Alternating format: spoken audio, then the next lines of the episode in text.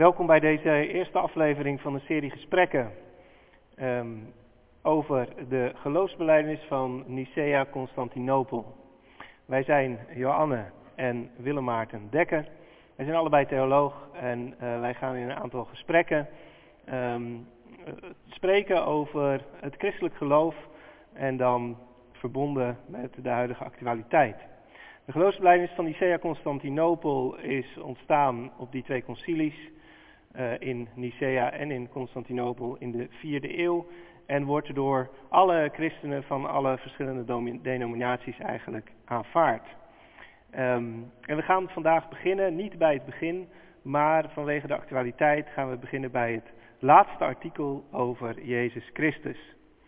En daarom staat er, hij zal wederkomen in heerlijkheid om te oordelen levenden en doden en zijn rijk zal geen einde hebben. De beleidenis over de laatste dingen uh, is als het ware in tweeën geknipt in de, in de beleidenis. Want de beleidenis is opgebouwd als eerst een beleidenis over God de Vader, dan over God de Zoon, dan over de Heilige Geest. Uh, en helemaal aan het eind, dus bij de voltooiing van het werk van God, komt dan nog een keer uh, ook het einde der tijden terug, want de beleidenis eindigt met wij verwachten de opstanding der doden en het leven in de wereld die komt. Um, de beleidenis over de laatste dingen is dus een beetje in tweeën geknipt, maar dat komt omdat ze dus gekoppeld zijn aan het werk van de Vader, de Zoon en de Geest. En vanavond hebben we dus eigenlijk over het einde, zoals dat nog hoort volgens de beleidenis, bij het werk van de Zoon. Hij zal wederkomen in heerlijkheid om te oordelen levenden en doden. Um, in heerlijkheid hebben ze speciaal bijgezet, omdat zijn eerste komst, zegt de kerk, in nederigheid was, in vernedering. Hij komt eerst als de vernederde in de kribben van Bethlehem en aan het kruis, maar hij zal opnieuw komen in heerlijkheid. Op zo'n manier dat niemand meer zal ontkennen, kunnen ontkennen dat hij het is. En hij komt om te oordelen. En zijn rijk zal geen einde hebben. Um, het gaat dus in die beleidenis eigenlijk, slaat men als het ware een bepaalde hele periode over. Je zou kunnen zeggen dat men de hele periode van de kerk en van de geschiedenis en ook van de eindtijd overslaat. Want het stukje hiervoor gaat over de hemelvaart. En direct na de hemelvaart gaat het over de wederkomst. Dus heel die tijd tussen de hemelvaart en de wederkomst uh, is eigenlijk geen onderdeel van de beleidenis. Behalve dan dat wij geloven in de kerk. Maar de eindtijd um, is geen onderdeel van de beleidenis. Maar trekt wel vaak veel aandacht over, over dit onderwerp gaat. De laatste periode. En leven wij dan nu in die eindtijd? Is een onderwerp wat steeds opnieuw christenen blijft fascineren en misschien ook wel niet-christenen, want eigenlijk geloven ook niet-christenen in een soort eindtijd. Het is vol seculiere eindtijdstheorieën. Um, uh, mensen die geloven dat wij de aarde voorgoed um, naar de verdoemenis aan het helpen zijn door de manier waarop wij met het milieu omgaan bijvoorbeeld. Um, maar ook in de kerk. En dus dat is op zich al iets merkwaardigs, dat iets wat, wat niet eigenlijk onderdeel is van de blijdenis van het geloof wel zo fascinerend is blijkbaar. En recent is daar ook weer een voorbeeld van door um, dat blad De Eye Opener, wat uh, huis en huis verspreid is in Nederland en um, wat gaat ook over die eindtijd. Um, Johanne, jij hebt het ook gelezen. Uh, misschien kun jij vertellen wat erin staat. Uh, nou, in zijn geheel dat navertellen, dat is wel een verhaal apart, denk ik. Um, maar ja, ik was er wel in ieder geval door getroffen, omdat um, ja, we leven in een onzekere tijd en, en niemand weet eigenlijk uh, ja, hoe je het precies moet duiden of wat je ervan moet vinden. En er zijn allemaal meningen. Uh, maar deze meneer geeft wel een beetje een totaalverhaal uh, wat op alles antwoord geeft. En uh, dat vind ik alleen al ja, wel iets wat me dan opvalt. En wat, ik, wat me ook wel ergens trekt, maar wat me ook kriebels oplevert. En wat doet hij eigenlijk? nou, hij schetst... Um, eigenlijk uh, loopt hij uh, de profetieën na die er zijn in de Bijbel. En hij zegt, ja, eigenlijk zijn er al heel veel profetieën ook uitgekomen. Um, en dan gaat hij met name eerst uh, rond Israël de profetieën langs die er zijn. En dat Israël nu een eigen land heeft en dat dat vervuld is. En nou ja, nog een heel aantal profetieën meer. Uh, en dat no noemt hij eigenlijk, ja, toen is de profetische klok gaan tikken. En uh, dat is 73 jaar geleden en hij heeft dan een of ander rekensommetje uit Daniel. Dat weet ik niet meer precies, maar we hebben nog zo'n zeven jaar te gaan en dan is er de vervulling van de profetieën. En in die tijd leven we nou en dat is dus echt de eindtijd waar we, waar we in zitten en waar dus deze coronacrisis uh, perfect in past en uh, ook geen toeval in is, maar voorspeld is ook dat er zulke weeën en rampen zullen komen. En dat, dat legt hij dus heel één op één uh, op elkaar eigenlijk. Ja, uh, en, en, en op dat punt gaat hij dan eigenlijk mee met allerlei seculiere complottheorieën rond het coronavaccin, ja, toch? Hij, dus hij, ja, hij, hij stelt heel veel eigenlijk, vragen, uh, inderdaad. Uh, hij verbindt eigenlijk de, de, de, de, seculiere complottheorieën zoals we die nu vinden Ja. rond corona, verbindt hij met het christelijk geloof in de eindtijd. Ja. Nou, hij zegt zelf wel dat hij niet in complottheorieën uh, gelooft, maar dat hij dit vanuit de Bijbel dan zegt. En hij stelt meer vragen bij de crisis en uh, de ernst ervan. En dat doet hij dus wel op een uh, vragende manier, zeg maar. Maar dat maakt het ook zo. de hint is wel duidelijk. De toch? hint is heel duidelijk, ja. Want, want de hint is dat, dat, dat dit vaccin en nou, vooral uh, waar hij dan over het vaccin komt te spreken, daar, uh, ja, daar waarschuwt hij heel duidelijk van dit vaccin is eigenlijk een, het teken van de antichrist, noemt hij het zelfs. Dus het teken van het beest uit openbaringen. en ja, dat beest en, en die antichrist, die ziet hij dus in het vaccin. En als jij het vaccin neemt, dan ja, dan, Dan hoor je, dan hoor je bij het kamp van de antichrist. Ja, Ja. en dan loopt het ook niet goed met je af. Dus hij is wel heel uh, duidelijk daarin uh, Ja. dat dat niet goed is. Ja. Hm. En kun je je voorstellen dat christenen daar er wat onzeker van worden als dat blad zo op de mat valt en ze dat lezen? Ja, dat kan, ik me heel erg voorstellen.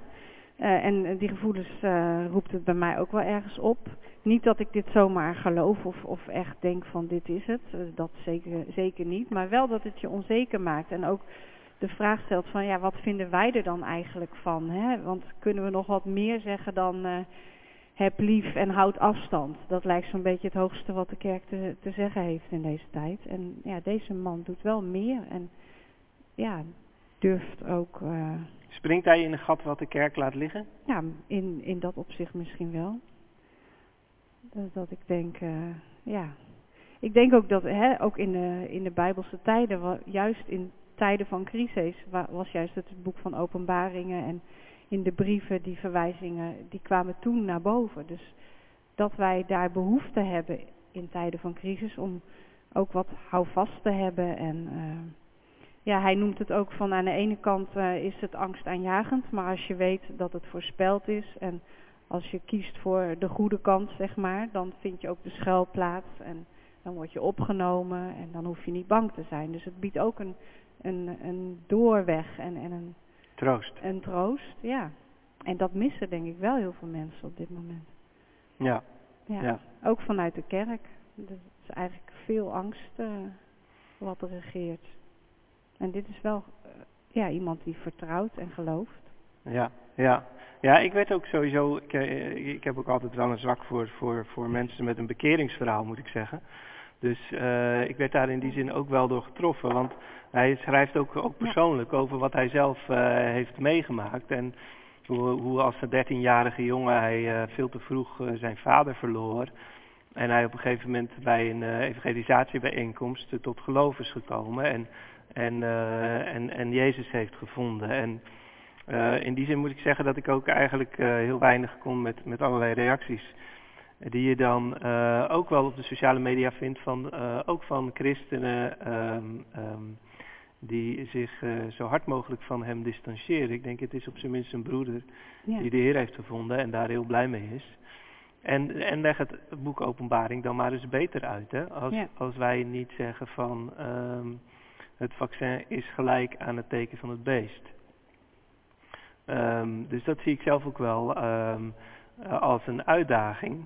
En alleen denk ik dat die kerkelijke uitleg van het boek Openbaring op een of andere manier landt die veel minder goed, eh, denk ik, bij de mensen dan deze één op één uitleg. Hè? Wat, wat hij eigenlijk doet Ja, dit is zijn hapklare brokken. Dat Ja. is gewoon eh, prettig. eh, ja, je zegt het staat in eh Jezaja zoveel vers zoveel en dat gaat dan in gaat toen in vervulling en dit vers ging toen in vervulling en dit vers ging toen in vervulling.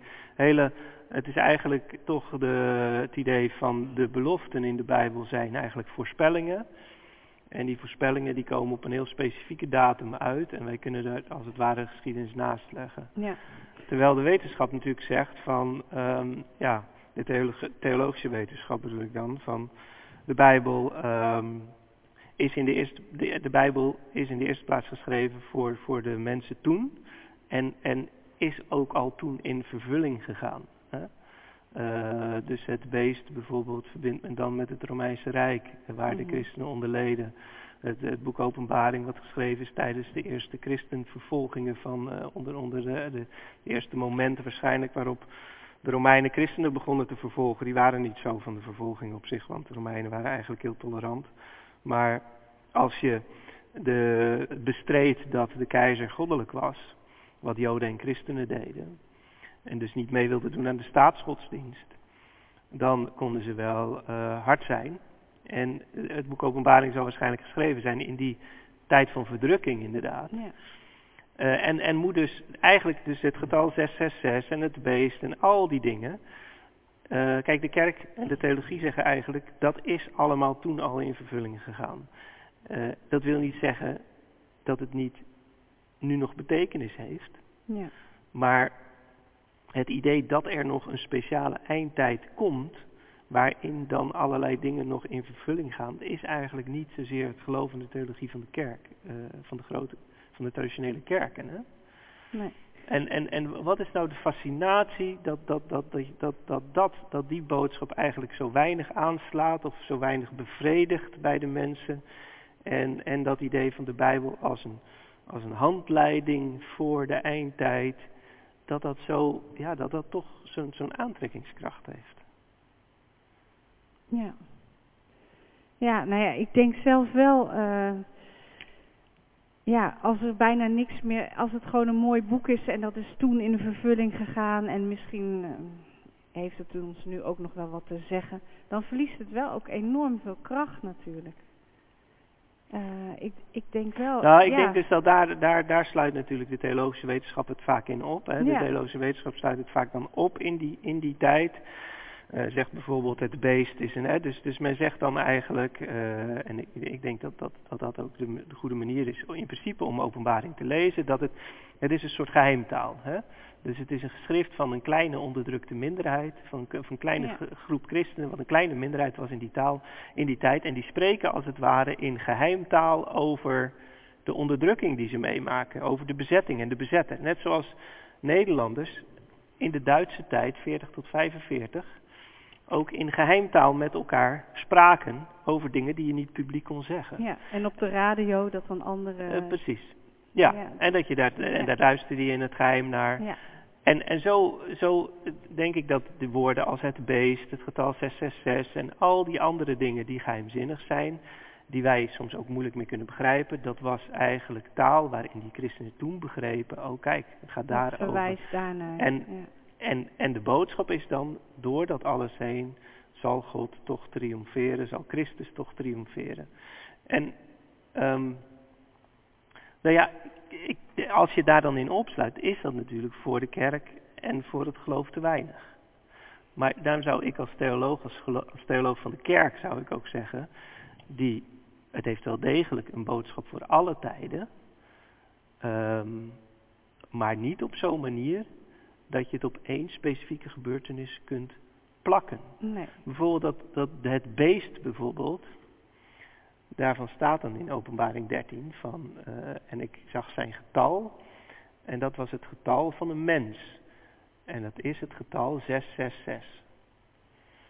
ehm, nou, dan hoeven we helemaal niet te gaan kijken van welke nummerbord heeft 666. Sommige christenen willen Ja. geen nummerbord met 666 Ja. erin. Of die willen in een grote flat niet op het nummer 666 wonen. Of, of, je hoeft ook niet de, de andere, andere ideeën. Eh, ik denk dat het vanuit de Bijbelse theologie vrij, du- vrij duidelijk is. In de eerste plaats staat er het getal van een beest is het getal van een mens. Dus, ehm, en, en 666 lijkt mij dan Bijbels theologisch. eh, zes is in het Oude Testament ook het getal van de mens, omdat eh, de mens op de zesde dag geschapen is. Ehm, en 666 is dan eigenlijk de mens die zichzelf toch tot in het maximale verheft, als het ware. De mens die zichzelf zo opblaast dat hij denkt, nu ben ik God, nu ben ik net zo sterk als God. Ja. Maar de troost van dat getal is dan al, ook al heb je drie keer zes, dat is nog geen zeven. Want zeven is in de taal van de Bijbel het getal van God.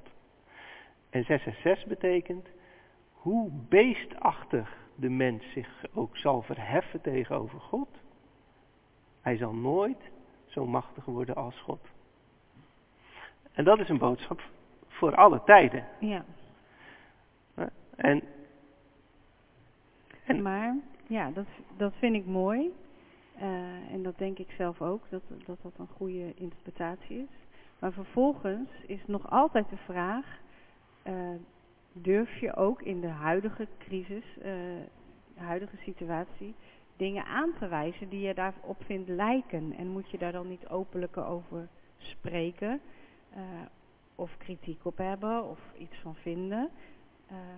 Ja, en ik zeg dus niet eh, dat ik die vaccinatie het teken van het beest vind, maar ik vraag me wel af, eh, durven wij überhaupt nog met de- dit soort taal en deze, dit soort duiding van situaties eh, op de proppen te komen in onze samenleving? Want dit wordt ook heel lacherig direct door een hele grote groep natuurlijk weggezet van ja, dat is gewoon idioot en... ja. Hè? Maar is ons verhaal minder idioot? Of eh, is het ook... Hebben wij een alternatief? hebben wij een alternatief? En kunnen Ja. we daarover in gesprek echt nog komen met onze cultuur? Ja. Nou ja, dat, dat, dat, eh, precies. Dat, dat is ook een van de dingen die, die, die ik daarin ook zelf zeker zou beamen. Van, ehm, eh, als, als iemand tegen mij zegt, dominee, ik denk dat we in de tij- eindtijd leven. Mhm. Dan zeg ik, dat denk ik ook. Ja. Hè? Eh, dat, dat, dus dat, spreek ik nooit tegen. Dat, dat, dat beaam ik. Ehm, maar eh, ik, ik, ik, ik, ik zeg er dan wel bij, dat achter de christenen duizend jaar geleden ook. En dat was ook heel goed. ja. Hè? Dus eh, Eindtijden herhalen het, zich. nou, het, besef in de eindtijd te leven is intrinsiek onderdeel, als het goed is, eh, van het christelijk geloof.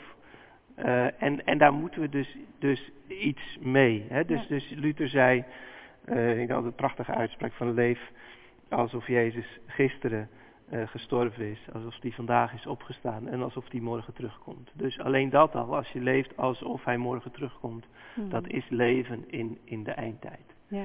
En als, je dat, als we dat verliezen, dan, dan, dan raken we eigenlijk de urgentie van ons geloof kwijt. Ja. Ehm, dus dat, dat, dat ben ik wel, ehm, ja. Dus het is eigenlijk nog niet zo makkelijk aan om te zeggen wat hij dan precies, wat, wat Jaap Dieleman dan precies toch verkeerd doet, hè? Ja, nou jij zegt in ieder geval dat hij eh, die één op één uitlegt. Dat, Ja. het, hè, dat zo de Bijbel werkt, dat profetie, profetieën toen gedaan zijn en nu in vervulling zouden gaan. Dat dat niet het Mhm. schema is wat je uit de Bijbel zou moeten halen. Dat dat, Ja. Ja. eh, Ja. ja, maar vervolgens, eh, ja, wat doe je wel met die Bijbelteksten en wat doe je met de huidige tijd? Ja. Ja. Ja. Ja. Het is wel gra- je zegt dat nu van eh, over de eindtijd, maar dat je dat ook in je eigen leven wel kunt ervaren. Hè? Want ik was toevallig vanmiddag ook bij een oude mevrouw, die was eh 94 geworden. En die, nou die, dat, dat is een heel gelovig mensje uit, eh, ah, uit de zware hoek van de kerk, zou ik maar zeggen. ja. Eh, en In die het da- verpleeghuis waar in het verpleeghuis, ja. Ja. ja. En eh, nou, die heeft ook echt het idee, we leven in de eindtijd. En, eh, en toen zei ik van, maar hoe is dat voor u persoonlijk dan? Want ik denk, ja, u bent 94, misschien is het voor u persoonlijk ook wel eindtijd. En eigenlijk toen kregen we pas echt een goed gesprek over uh, de eindtijd. En, en, en ook, ja, waar, waar, waar gaat het dan eigenlijk om? En we lazen toen uh, Psalm 91, dat was toevallig ook uh, op haar uh, bijbelleesroostertje voor haar verjaardag. En dat is natuurlijk Psalm 91 over de schuilplaats. Van de Allerhoogste. Van de ja. Allerhoogste. En ja, dat dat het uiteindelijk is ja, waar je naar zoekt in de eindtijd. Dat er een schuilplaats is en dat je bij iemand veilig bent. En dat is natuurlijk ook wel die dat zegt hij ook ergens van hè, ja. God wil ook die schuilplaats zijn en die, daar moet je naartoe. Ja. Daar moet je naartoe vluchten. Ja. Dat, nou ja, dat schoot me zo even te binnen. Dus ja, maar, maar, maar kijk, dat, dat, je bedoelt misschien ook van uh, als je de, de, de, de, veel, veel christenen, ook in onze tijd, die, die stellen hun hoop natuurlijk heel erg op het vaccin. Op het vaccin, en, en op de ja. wetenschap, op de Ja. techniek. En dan zijn wij natuurlijk niet anders dan anderen. Nee, Dus wat is, wat is in deze situatie vertrouwen op God? ja. Ehm, En, ja. en, en ehm, ja, en dat, goed, dat is denk ik, kijk, voor die mevrouw van 91 is natuurlijk ook de, de, inderdaad de eindtijd in de zin van haar levenseinde, ja. is ook heel dichtbij. En ik denk ook dat dat voor christenen door de eeuwen heen veel meer zo geweest is. Doordat, je eigenlijk, doordat de dood eigenlijk altijd dichtbij was, Mhm. veel dichterbij dan voor ons, was, was ook dat besef van de eindtijd dichterbij. Dat, eh, doordat de dood als het ware steeds verder kunnen uitstellen, eh, is ook dat idee van die eindtijd natuurlijk niet meer zo present. Dus misschien drukken wij de dood ook te veel weg. Ja, ja. Nou ja, dat, dat is natuurlijk ook, eh, ja, waarom horen we niet ja, meer mensen die zeggen, nou ik ben, eh, ik ben 70 of 80, maar eh, ik wil gewoon in die kerk zijn en blijven zingen of, ja, ik zeg maar wat hoor. Het is ook een beetje om, om te prikkelen, denk ik. Want, ehm, Nou, ik heb bijvoorbeeld Maar- wel, ik las een klein stukje van een, van een moslimmevrouw in, in de krant in de, tijdens de eerste, eerste lockdown, zeg maar, maart, april.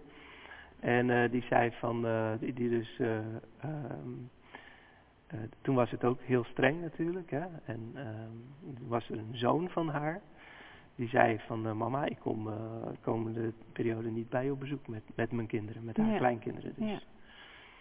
Ja. Toen zei zij, toen zei zij tegen haar zoon, gelovige moslim, als Allah mij wegneemt uit dit leven, dat zou ik kunnen aanvaarden. Maar als jij niet bij mij op bezoek komt met jouw kinderen, ja, dat kan ik niet Ja. aanvaarden. En toen dacht ik, ja, die mevrouw heeft het goed begrepen. ja, En dat is dan een moslim, maar dat, dat, dat godsbesef, ja, ehm, hè, dat ze zegt, als Allah mij wegneemt uit het leven, dat kan ik begrijpen. Maar als jij niet meer bij me op bezoek komt, dat neem ik je kwalijk. ja. Die heeft toch iets gezien. Ja, en, en dat zijn, ja, dus dat, dat herken ik ook. Ja, ja. Hoorde ik vanmiddag ook nog van eh, een collega van mij, van mij haar schoonouders, die eh, zijn, eh, die hebben nu corona. En de, schoon, de andere schoondochter, die zei van nee, je mag er niet meer heen, want het is nu veel te gevaarlijk. En die nam het haar echt kwalijk dat ze dat toch ging doen. Terwijl met mondkapje, hun mondkapje, alles Ja. beschermd. En eh, zij heeft zelf ook corona gehad, dus ze is ook helemaal niet bang voor.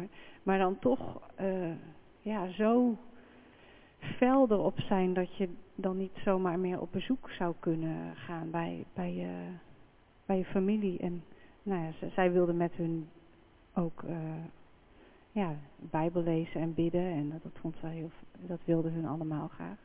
Maar ja, dan zelfs door familie wordt dat dan niet getolereerd. Dat vond, ik, Mm. vond ik echt wel schokkend. eh, dat, eh, Ja. Ja, we Dus moeten, we moeten ook, zorgt ja, we nou ja, moeten ook gaan- nog even naar, ja, eh, we gaan even naar het volgende punt. naar de andere dingen, hè. Want, ehm, Wat had je nog meer?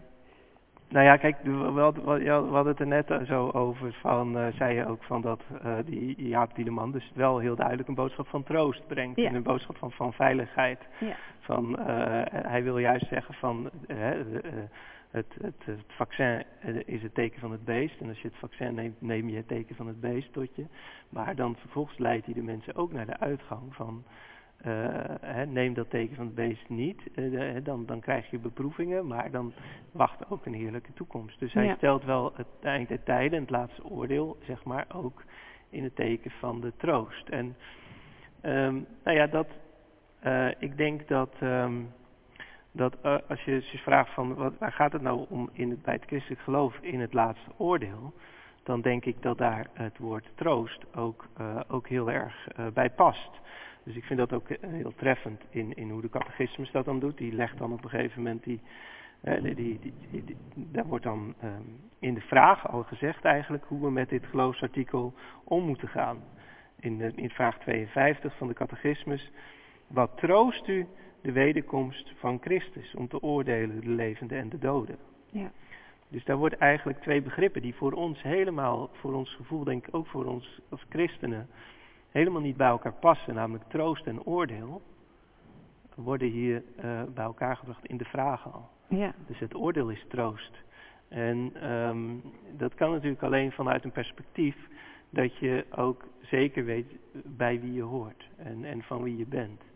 En, uh, uh, en als je weet dat je, dat je van Christus bent, um, ja, dat dan, dat dan het oordeel ook niet meer iets is waar je, het denk, waar je liever niet aan denkt.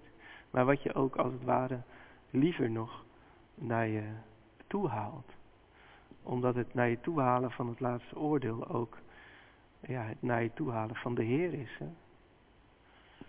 En en, ja, en dan niet de Heer die je wegstuurt, maar de Heer die je vervolgens ook vergeeft en, en ja. Uh, die recht doet aan, aan wat onrecht was. En, ja. Bedoel je dat? dat bedoel je? Ja, eh, dat, dat, uh, uh, dat bedoel ik ook. Hoewel dat natuurlijk wel um, um, Ja, dus door, als je dan zegt door het oordeel heen, denk ik ja. Hè? Uh, en en dat, dat, wat dat betreft is het een smal pad, denk ik, om te bewandelen. Ik denk dat er ook een hele hoofdlijn is in, in, op dit moment in de kerk en de theologie die, die eigenlijk het oordeel, oordeel eh, overslaat. Hè? Dus, ja. dus God, God, heeft je eigenlijk in dit leven al geaccepteerd. Dus ja, dat accepteert hij eeuwig ook. Maar dat vraagt dus eigenlijk ook niet meer om een overgang. Nee. Um, en en uh, dat, dat bedoel ik niet, zeg maar. Dus het nee. is wel... Uh, um, het, het oordeel is wel een moment ook... Um, van, van beven, hè, van, van wat het klassieke lied zegt, Iris, eh, of eh, Dies Irae, eh, de dag der wraken. Um, de, dat lied, dat in het nieuwe liedboek van de, van de kerken, is dat herschreven. Hè? Oh, dus dat is niet meer dag der wraken. En um, uh, nou ja, dat, dat, is, dat, is, dat laat denk ik precies zien van hoe groot onze moeite is geworden met toch kernen van christelijk beleiden eigenlijk. Ja, want die hele taal over wraak en oordeel en alles, dat, ja. uh, dat hoor je heel weinig meer. En als je het hoort, dan zeg je dat komt echt in een bepaalde kring alleen maar voor. Ja. ja. En er is ook on onderzoek toch recent Ook mensen die nog nooit in hel en verdoemenis Ja. spreken gehoord hebben, die Ja. hebben het toch over die vreselijke hel en verdoemenis Ja. spreken. Dan denk ik van, heb je die ooit gehoord dan? Vaak helemaal niet. Maar, ja, Maar dat heeft een naam dat het mensen klein maakt en dat het mensen afbreekt en dat het, eh, ja, daar, daar leeft allemaal zulke soort dingen natuurlijk omheen. Dat het ongezond zou zijn, zeg maar, voor de geestelijke gezondheid. Ja. ja. De psyche. Wat het natuurlijk in een aantal gevallen ook wel geweest is, denk ik. Ehm, maar wat, wat, wat, wat mij dan zo opvalt is eh, hoeveel wij aan het oordelen zijn in onze tijd. Hè? Over Ja. elkaar en over onszelf. Wij, hè, Waar alleen, alleen, aan? nou, eh, bijvoorbeeld, eh, wat, bijvoorbeeld wat er met zo'n Jaap Dieleman gebeurt op sociale media, ook uit christelijke hoek. Dus dat is al een voorbeeld van, eh, van, van, van iemand die toch eigenlijk, waar men zich eh, toch heel graag zo snel mogelijk van distancieert. Ja. En ehm, die men ook oordeelt daarin. Van, uh, als iemand die toch... Uh, ja, Een beetje van het padje bijna. Ja, van het padje is, ja. Ja, ja. En gelukkig ben ik niet als hem. Nee. Uh, ik dank u dat ik niet ben zoals deze tollenaar. Ja. Um, en, maar ik denk ook aan hoe er nu gesproken wordt over andere groepen mensen die moeite hebben met, uh, met, met uh, de, de maatregelen rond corona en die twijfelen over de vaccinatie. Dus het hele woord wappie. Uh, je bent wappie als je, ja, als ja, je van dat het padje bent. Steeds, en maar, ja. ja, het is eigenlijk een bijwoord, hè? Ja. Dus hij is wappie. Dat is eigenlijk een bijwoord, maar het is nu een zelfstandig naamwoord geworden. Oké. Okay. maar ehm, dat, dat is natuurlijk, ja, dat is een scheldwoord, wat ineens voor een hele groep mensen wordt gebruikt. Waardoor we toch, denk ik, continu eigenlijk groepen aan het uitsluiten zijn en, en, en, en, en aan het oordelen zijn. De, bijna definitieve oordelen vellen. Uh, en, en ik denk eigenlijk dat wij dat ook heel erg met onszelf aan het doen zijn. Um, mensen zitten ook, uh, naar mijn idee, vol zelfveroordelingen. Ja. En, en ik daar, ben mislukt of ik ben gelukt. Ja. Ik ben gelukkig of ik ben ongelukkig. En Ja. kom ik daaruit. En hoe Ja. help ik mezelf verder. Ja. En, Ja. ja. Dus voortdurend eh, stemmetjes die jou zeggen van eh, hoe je ervoor staat, wat het cijfer voor die dag is. Ja. En ehm, eh, dus, wij, wij, hè, dus, dus het idee van als we het oordeel van God maar kwijt zijn, Dan, dan zijn we het oordelen ja. kwijt. Ik denk zelf eerder dat het omgekeerd is. Ja, want hoe Dat- zou het werken als, als God degene is die oordeelt? Wat ge- gebeurt er dan met onze oordelen? Wat, wat heb je daar dan? Nou, als, als, eh, als God degene is die oordeelt, dan, zijn, eh, dan, dan vellen wij dus geen definitieve oordelen. Dus, dus dan, dan, dan, kijk, dan... Dat dan maakt ons voorzichtiger en eh, relatief. en sterker nog, er is dan elk oordeel. Soms, soms zijn we natuurlijk, soms zijn we natuurlijk gedwongen te oordelen.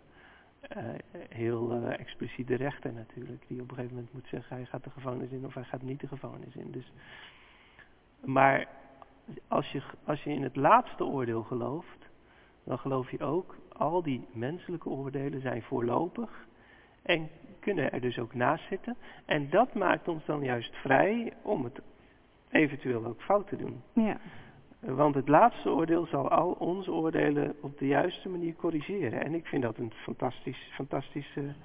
Ik, vind, ik ben dus in die zin hartstikke blij met het laatste Ja. oordeel. Ik, Ja. ik, ik zou een wereld zonder laatste oordeel lijkt mij een verschrikkelijke wereld. Want dat is de wereld waarin onze oordelen definitief zijn. Terwijl die vaak vanuit macht zijn.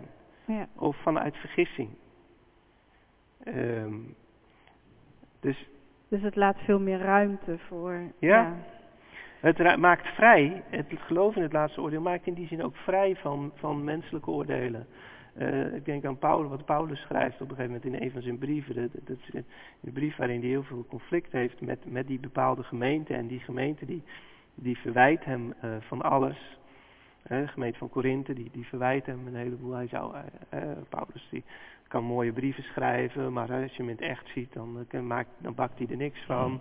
En hij maakt, hij maakt zijn belofte niet na. Hij had al drie keer beloofd te komen, heeft hij nog steeds niet gedaan. En is hij trouwens wel een echte apostel, want hij heeft Jezus nooit gekend. En, en trouwens, die gemeente die heeft hij al opgebouwd, maar als die daarna, dan, hè, dus, dus hij is, dan gaat hij ook zo weer weg. En dan, dan, dan komen er ook al- allerlei conflicten. Dus er is heel veel discussie rond die persoon van Paulus. Ja, En dan zegt Paulus op een gegeven moment, wie mij oordeelt, is de Heer. En daarmee, met dat kleine zinnetje, maakt hij zich vrij van die, van die beoordelingen van door, anderen, van, ja. van die andere Ja. mensen. En hij neemt die nog steeds wel serieus, maar doordat hij weet dat, ze, eh, dat, dat, dat uiteindelijk Go- God de enige is tegenover die zich, wie die zich moet verantwoorden, Ja. leeft hij vrij. En ehm, ik, terwijl ik onze tijd vaak heel krampachtig vind. Ja. En ook om dan weer met mensen door te moeten die je veroordeeld hebt of hè, die van het andere kamp zijn, dat is heel lastig. Ja, Terwijl als je daar dus wat milder in staat en denkt van ja, we moeten allebei wel een oordeel hebben, maar misschien hebben we het allebei mis. Of één van ons twee, dan geeft dat in ieder geval uh, ja, veel goed meer is, zou het je ook eh, precies. Dus Ja. wat, wat voor mij geldt, dat ik mag zeggen wie mij oordeelt is de Heer. Dat mag de Dat mag ander de ook zeggen. zeggen, ja. Dus, dus in die zin ehm, moet ik dan ook inderdaad weer de, de bereidheid hebben om, om daar weer overheen te stappen en verder te gaan. Ja. En, ehm, ja, terwijl dat in de praktijk natuurlijk vaak in onze tijd ontzettend moeilijk is. Ja, maar dan, eh, ja, dat laat wel zien dat ook zoiets als het oor, laatste oordeel ook heel concreet met je handelen en met je denken over, eh, ja, over hoe je met anderen omgaat eh, te maken heeft. Dat, Ja. dat vind ik dan wel weer leuk. Dat denk ik van heel, heel veel mensen denken, oh nou ja, daar hoef ik niks meer mee te, te doen en van te vinden. Maar dan mis je dus soms ook eh, het hele concrete wat eruit voort kan komen. Ja, ja, ja, Ja. ja. Hoe wij onze toekomst voorstellen, dat heeft natuurlijk direct gevolgen voor Voor hoe wij het nu. hoe wij nu leven. Ja. En dat is natuurlijk ook wat je, als je zo, eh, die Dieleman, hè, wat hij doet, is natuurlijk wel, dat heeft co- direct consequenties voor wat we nu zouden moeten doen, of niet moeten doen. Dan, hè, het mes staat je eigenlijk op de keel. Ja, ik heb het vaccin al, dus helaas, ik hoor al bij het beest. Jij hoort al bij het ik beest. hoor al bij het beest. Ja, maar het betekent, het betekent iets anders, hè, heb je net ja, gehoord. dat, ja, gelukkig maar. Ja, ja. Ja. Maar, maar goed, iets van die, van die ernst, dat het wel ergens over gaat. Ja, dat... eh, Dat, ja, dat kan dus wel het denken over het laatste oordeel eh, je weer te binnenbrengen. Van, hè, ja. Nou, da- daar, daarin vervult hij natuurlijk echt een, echt een heel eh, goede functie, denk ik. Van inderdaad eh, naar de kerken, traditionele kerken toe. Van wat, wat willen jullie dan zeggen? Ja. En, en, en praten jullie dan alleen maar seculier van inderdaad van, nou ja, we hopen maar dat er zo snel mogelijk een vaccin is. Ja. En dan, dan gaan we weer door, business as usual. Of, of laat je hier ook door gezeggen, hè? Ehm, en, eh, en, en, en eh, dat, dat ehm, ehm, ja, ik heb zelf daarin eh, dan, dus, dus ik zou dat zelf ook zeker willen doen, alleen meer in algemene termen en, en, en het ook wat persoonlijker en meer als suggestie zal ik maar zeggen, hè, van Ja. zou het dit kunnen betekenen. ja. Ehm, maar de- heb ik zelf bijvoorbeeld wel eens het, de term stopteken gebruikt. Hè? En dat is niet, dus het, niet dat het vaccin stop zegt, want het vaccin zegt niks, maar God zegt stop tegen ons. ja. Door middel van dit eh, eh, virus bedoel ik. Het Ja. virus zegt niks. Maar in die zin dat je het wel aan nou, handelen van nou, God koppelt. Ja, God is altijd bezig. God zit nooit te slapen, ook Nee. nu niet. nee. Wat is de roepstem van God, zou mijn eh, mevrouw Ja. uit het verpleeghuis zeggen. Ja, In dit alles. Ja. ja dat is een, ja, precies. Ja. Ja. Maar ja, ja. Nou ja, nog even terug misschien naar die, eh, naar, naar die catechismus. Ja. Eh, want die vraagt dus van, ehm, eh, hè, wat, wat troost u de wederkomst van Christus om te oordelen de levenden en de doden? En dan is het antwoord dat ik in alle droefenis en vervolging met opgerichte hoofd, dezelfde die zich tevoren om mijnentwil voor Gods gericht gesteld en alle vloek van mij weggenomen heeft, tot een rechter uit de hemel verwacht. Dus beg- begint er dus mee dat ik in alle droefenis en vervolging eh, hem verwacht. Ja. En ehm, nou ja, dat denk ik ook wel eens van die catechismus, hè, 1563. Dat eh, ik had, tegen catechisanten zeg ik altijd van eh, eh, je moet bij, bij, het bij altijd als je catechismus denkt, leest, moet je denken aan twee dingen. De pest en de brandstapels. Ja. Eh, Dat waren de twee vormen van dood die toen heel dichtbij waren. Dus de pest is wat je overkomt, waar je niks aan kunt doen. Ja. En de brandstapel is dat je vervolgd wordt omwille van je geloof. En dat is natuurlijk ook alle droefenis en vervolging, waar het hiermee begint. Ja. En, en, en in het juiste, ik, ja, ik lees het dan toch ook zo. Nou ja, dat zou mijn vraag zijn, van hoe moeten we dat nou lezen? Is dat een toevallige historische context? Dat je zegt, nou ja, toen verwachten ze dat in droefenis en vervolging. Maar als je geen droefenis en geen vervolging hebt, kun je hem net zo goed verwachten. Of betekent de blijdenis hier eigenlijk toch, alleen als je weet hebt van droefenis en vervolging, krijg je ook het juiste zicht eh, op de wederkomst en de troost daarvan. Ja. Wat denk jij? Nou, ik denk dat je het eigenlijk al beantwoordt, maar... Uh, nee, maar ja, er nee, zit er namelijk ook een groot probleem. Als, Ja. je dat, de- als je het laatste zegt, heb je ook een groot probleem. Want dan moet je steeds aan de mensen uitleggen Dat, dat er droefenis en vervolging is. mhm. Omdat heel veel mensen dat besef niet meer hebben. Nee. In ieder geval niet collectief, wel persoonlijk natuurlijk. Als iemand eh, persoonlijk getroffen wordt door ongeneeslijk ziek wordt of wat dan ook. Dat, hè, er is nog veel persoonlijk leed. Maar niet meer dat wij zeggen, wij samen delen nu Ja. in deze droefenis en deze vervolging. Dat is bijna weg. Ja. En als je zegt, maar, maar die context is cruciaal om überhaupt te kunnen begrijpen wat het geloof in de wederkomst is. Mhm. Dan moet je dus ook als voorganger, als prediker, als het ware steeds de mensen gaan uitleggen dat er allemaal droefenis en vervolging is. Ja. Nou, Zou dat moeten? Nou ja, we zitten er nou middenin. Ik denk wel dat het, ja, nou ja, eh, dat het nu meer, eh, dat het wel begrijpelijker is, ja. Dat je daarnaar kan verlangen ook. Ja, als je het, als je het heel goed hebt, dan, dan verlang je ook minder naar de wederkomst. Ik weet nog wel dat ik dat als kind, dan dacht ik ook altijd van, nou ik hoop nog dat hij even wegblijft. Want ik wil eigenlijk gewoon nog even leven en ik wil alles nog meemaken. Dus, en dat lijkt me ook heel gezond om dat Wordt te steeds minder, hè? Ja, het wordt steeds minder inderdaad. en nu, ja.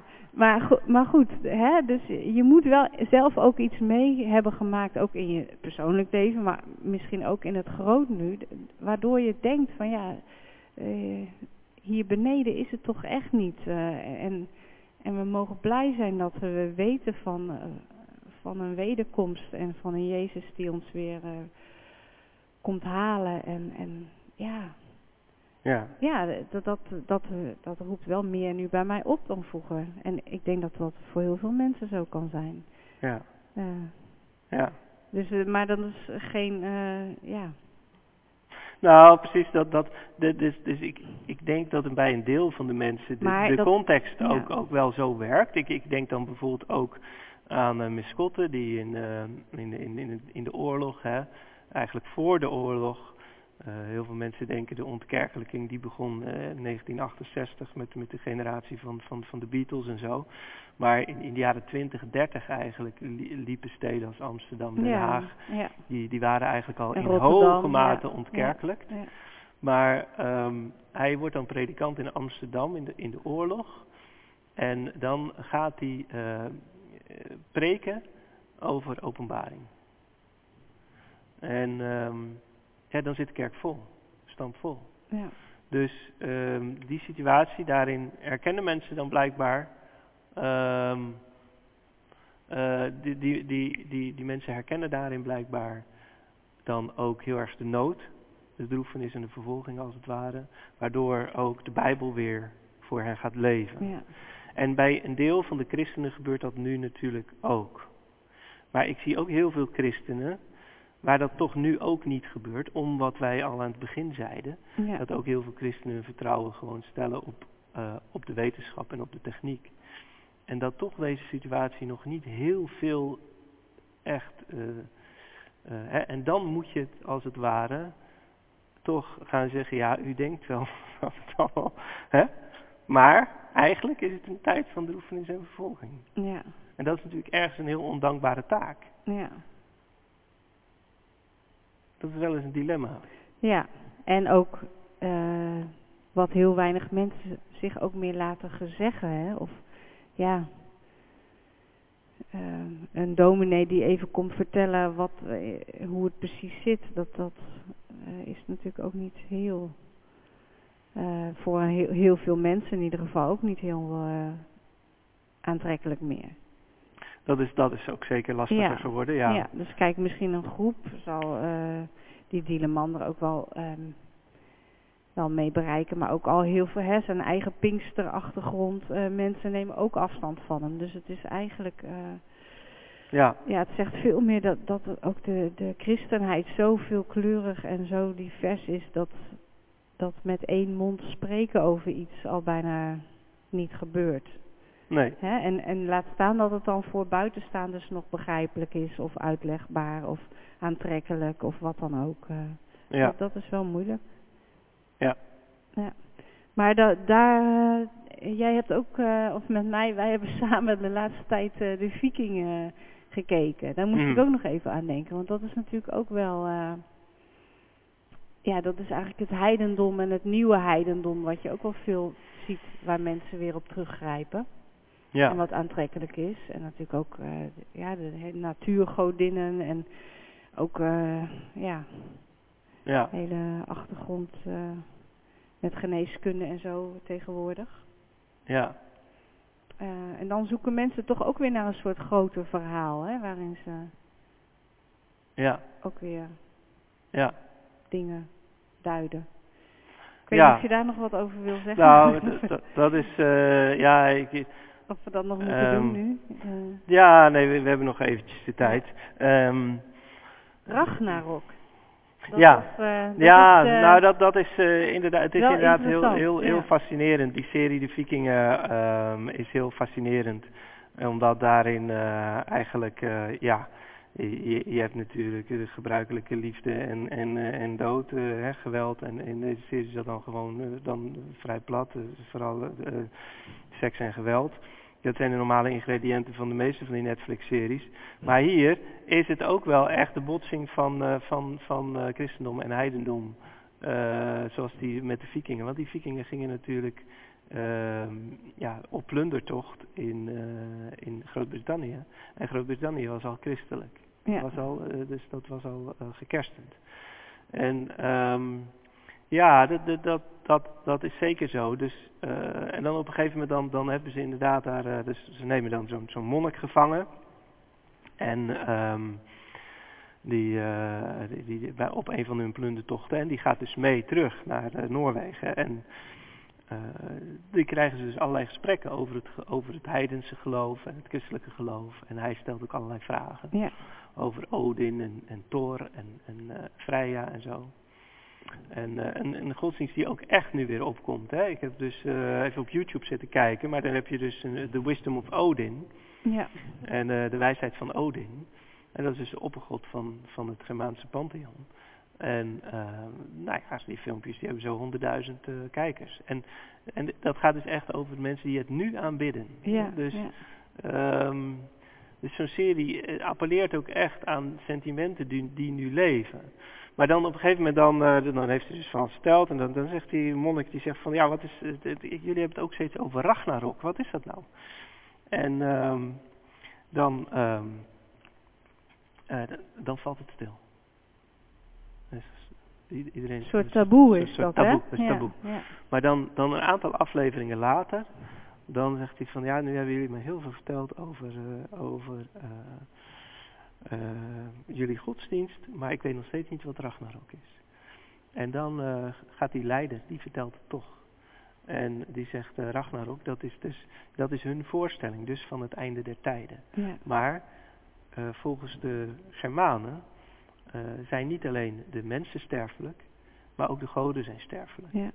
En eigenlijk de hele kosmos is ontstaan uit een strijd, uit een gevecht. Dus er waren goden met elkaar aan het vechten. Toen viel het blo- bloed op de aarde en daar kwamen weer levende wezens uit en zo. Dus wij stammen in die zin ook als mensen van de goden af. Ja. We hebben iets goddelijks. En eigenlijk bij de Grieken, de Romeinen, de Germanen is allemaal hetzelfde. De wereld is ontstaan uit strijd. En daarom is de wereld ook intrinsiek gewelddadig. Ja.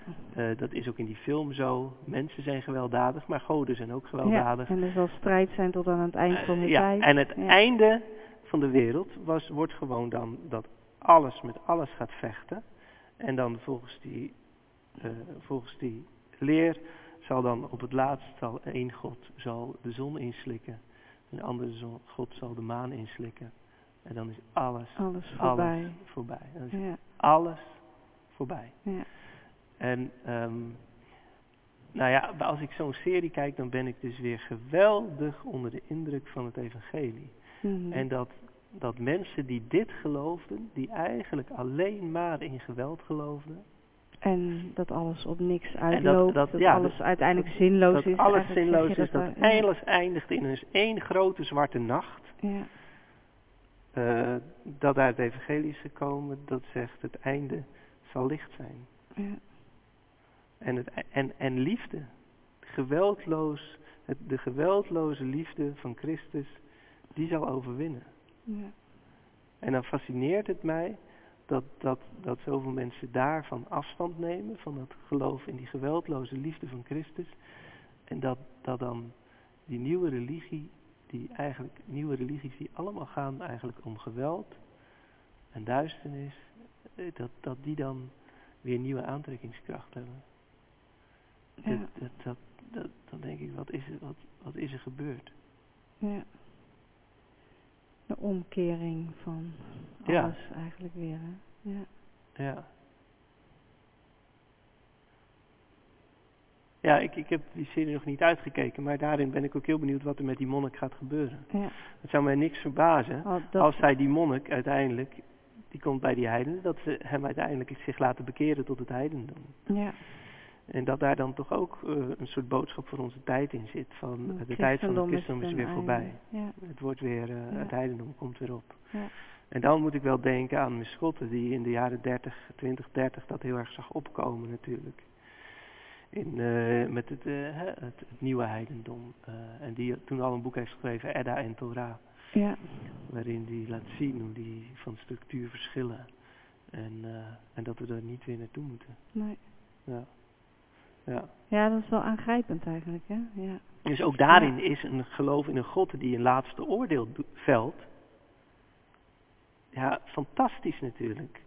Ik bedoel, een anonieme macht eh, die ervoor zorgt, het, het lot, Ja. wat ervoor zorgt dat uiteindelijk alles onder zal gaan in één grote zwarte nacht. Ja. Dat is gewoon de vervulling van onze diepste angsten. Ja. Ja. Ja, dat is het, hè. Dat uiteindelijk... Welke kracht is sterker? De kracht van de angst of de kracht van de liefde? Ja, Dat is ook altijd in heel veel religies ook de spanning. ja, Eh, maar het lijkt bijna alsof de angst gaat overwinnen. Ja, ja. Ja. En daar, ja, dat is denk ik wel de echte strijd ook die nu gaande is. Van kun je uit de ban van de angst blijven in Ja. deze tijd? Ja, dat denk ik ook. Dat denk ik ook. Ja. Ja. Nou, wat een interessant gesprek. Eh, we zijn bijna aan het einde. Ehm, dat, de- er is gelegenheid voor de mensen om, eh, om te reageren via eh, vragen. Ehm, dus als je naar sly.do gaat, het staat op Ja, de... er staat al iets van een anonymous. eh, Ja, oké. Er is een eerste vraag binnen, dus ook anderen kunnen daar aan meedoen als ze willen. Dan zullen we die kijken. Of we daar ook nog wat over kunnen zeggen. De eerste anonieme melder.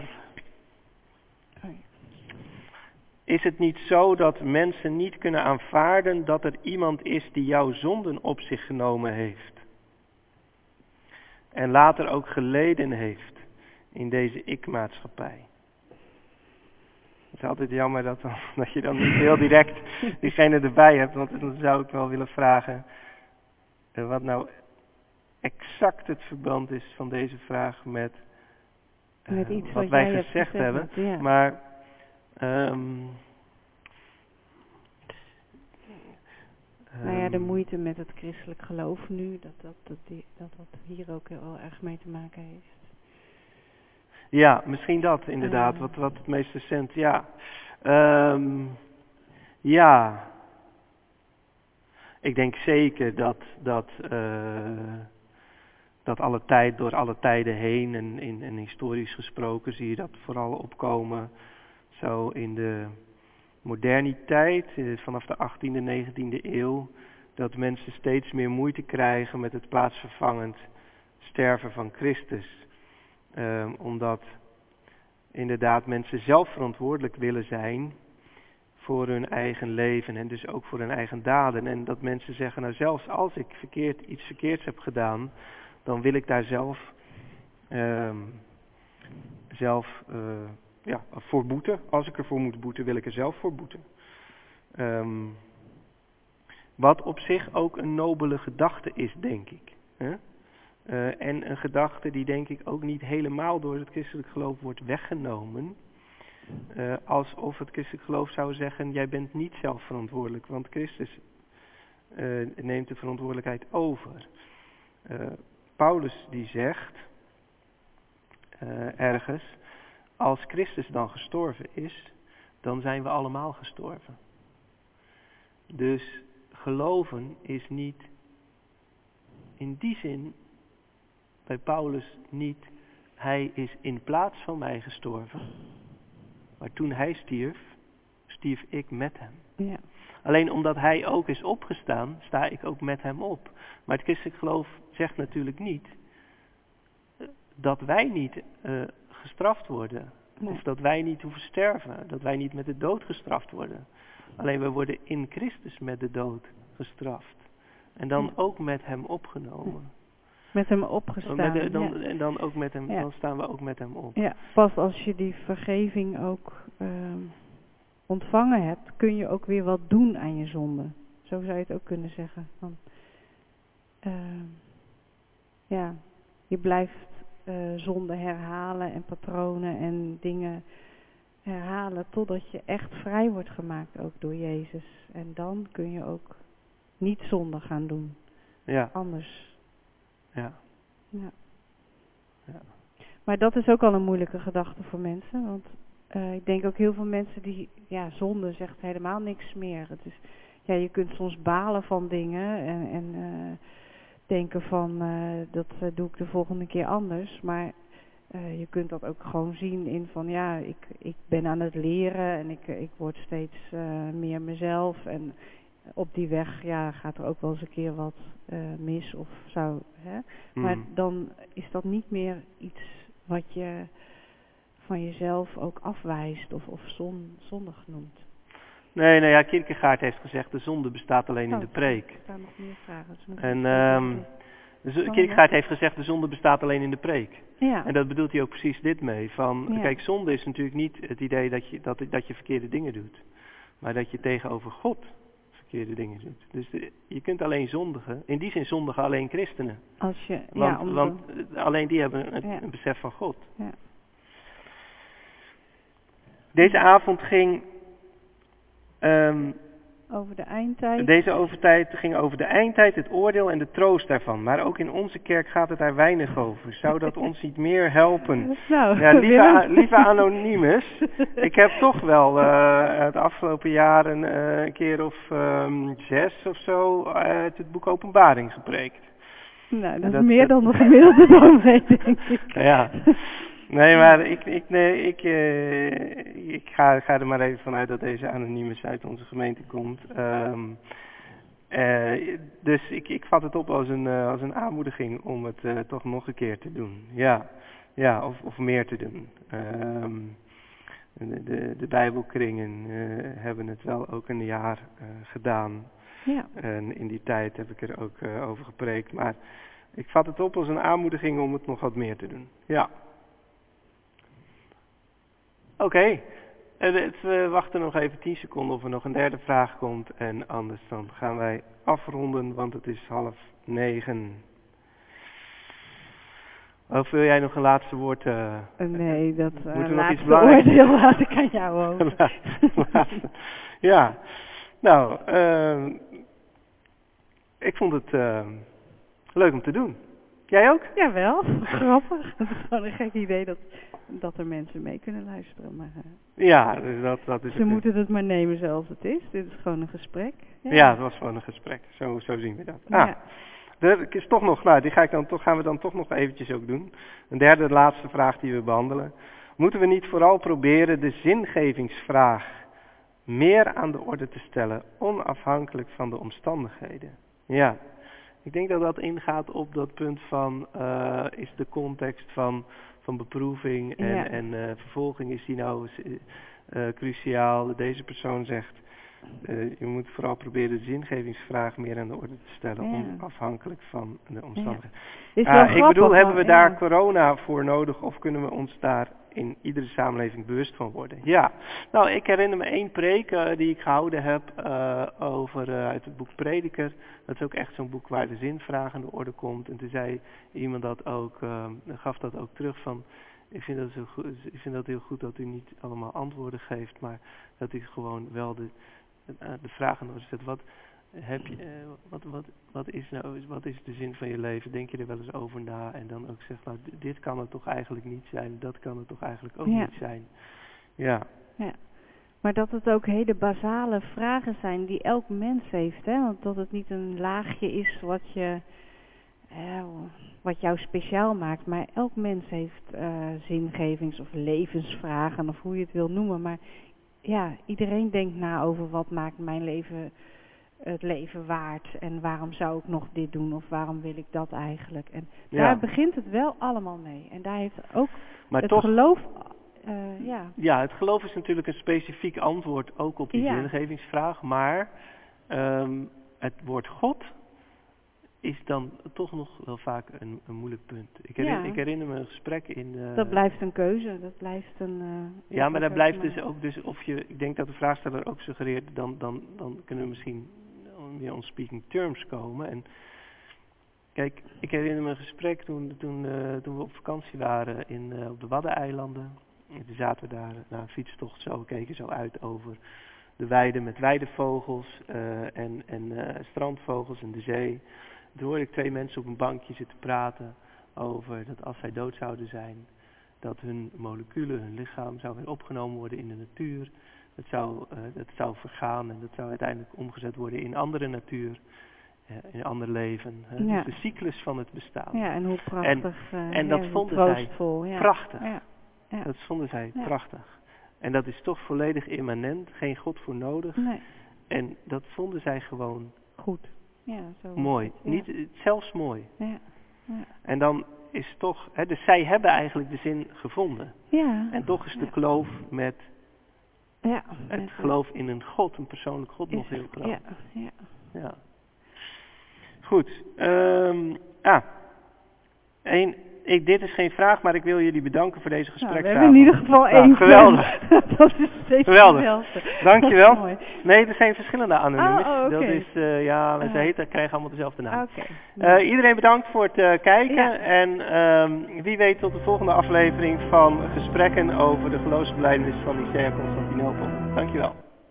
Tot ziens.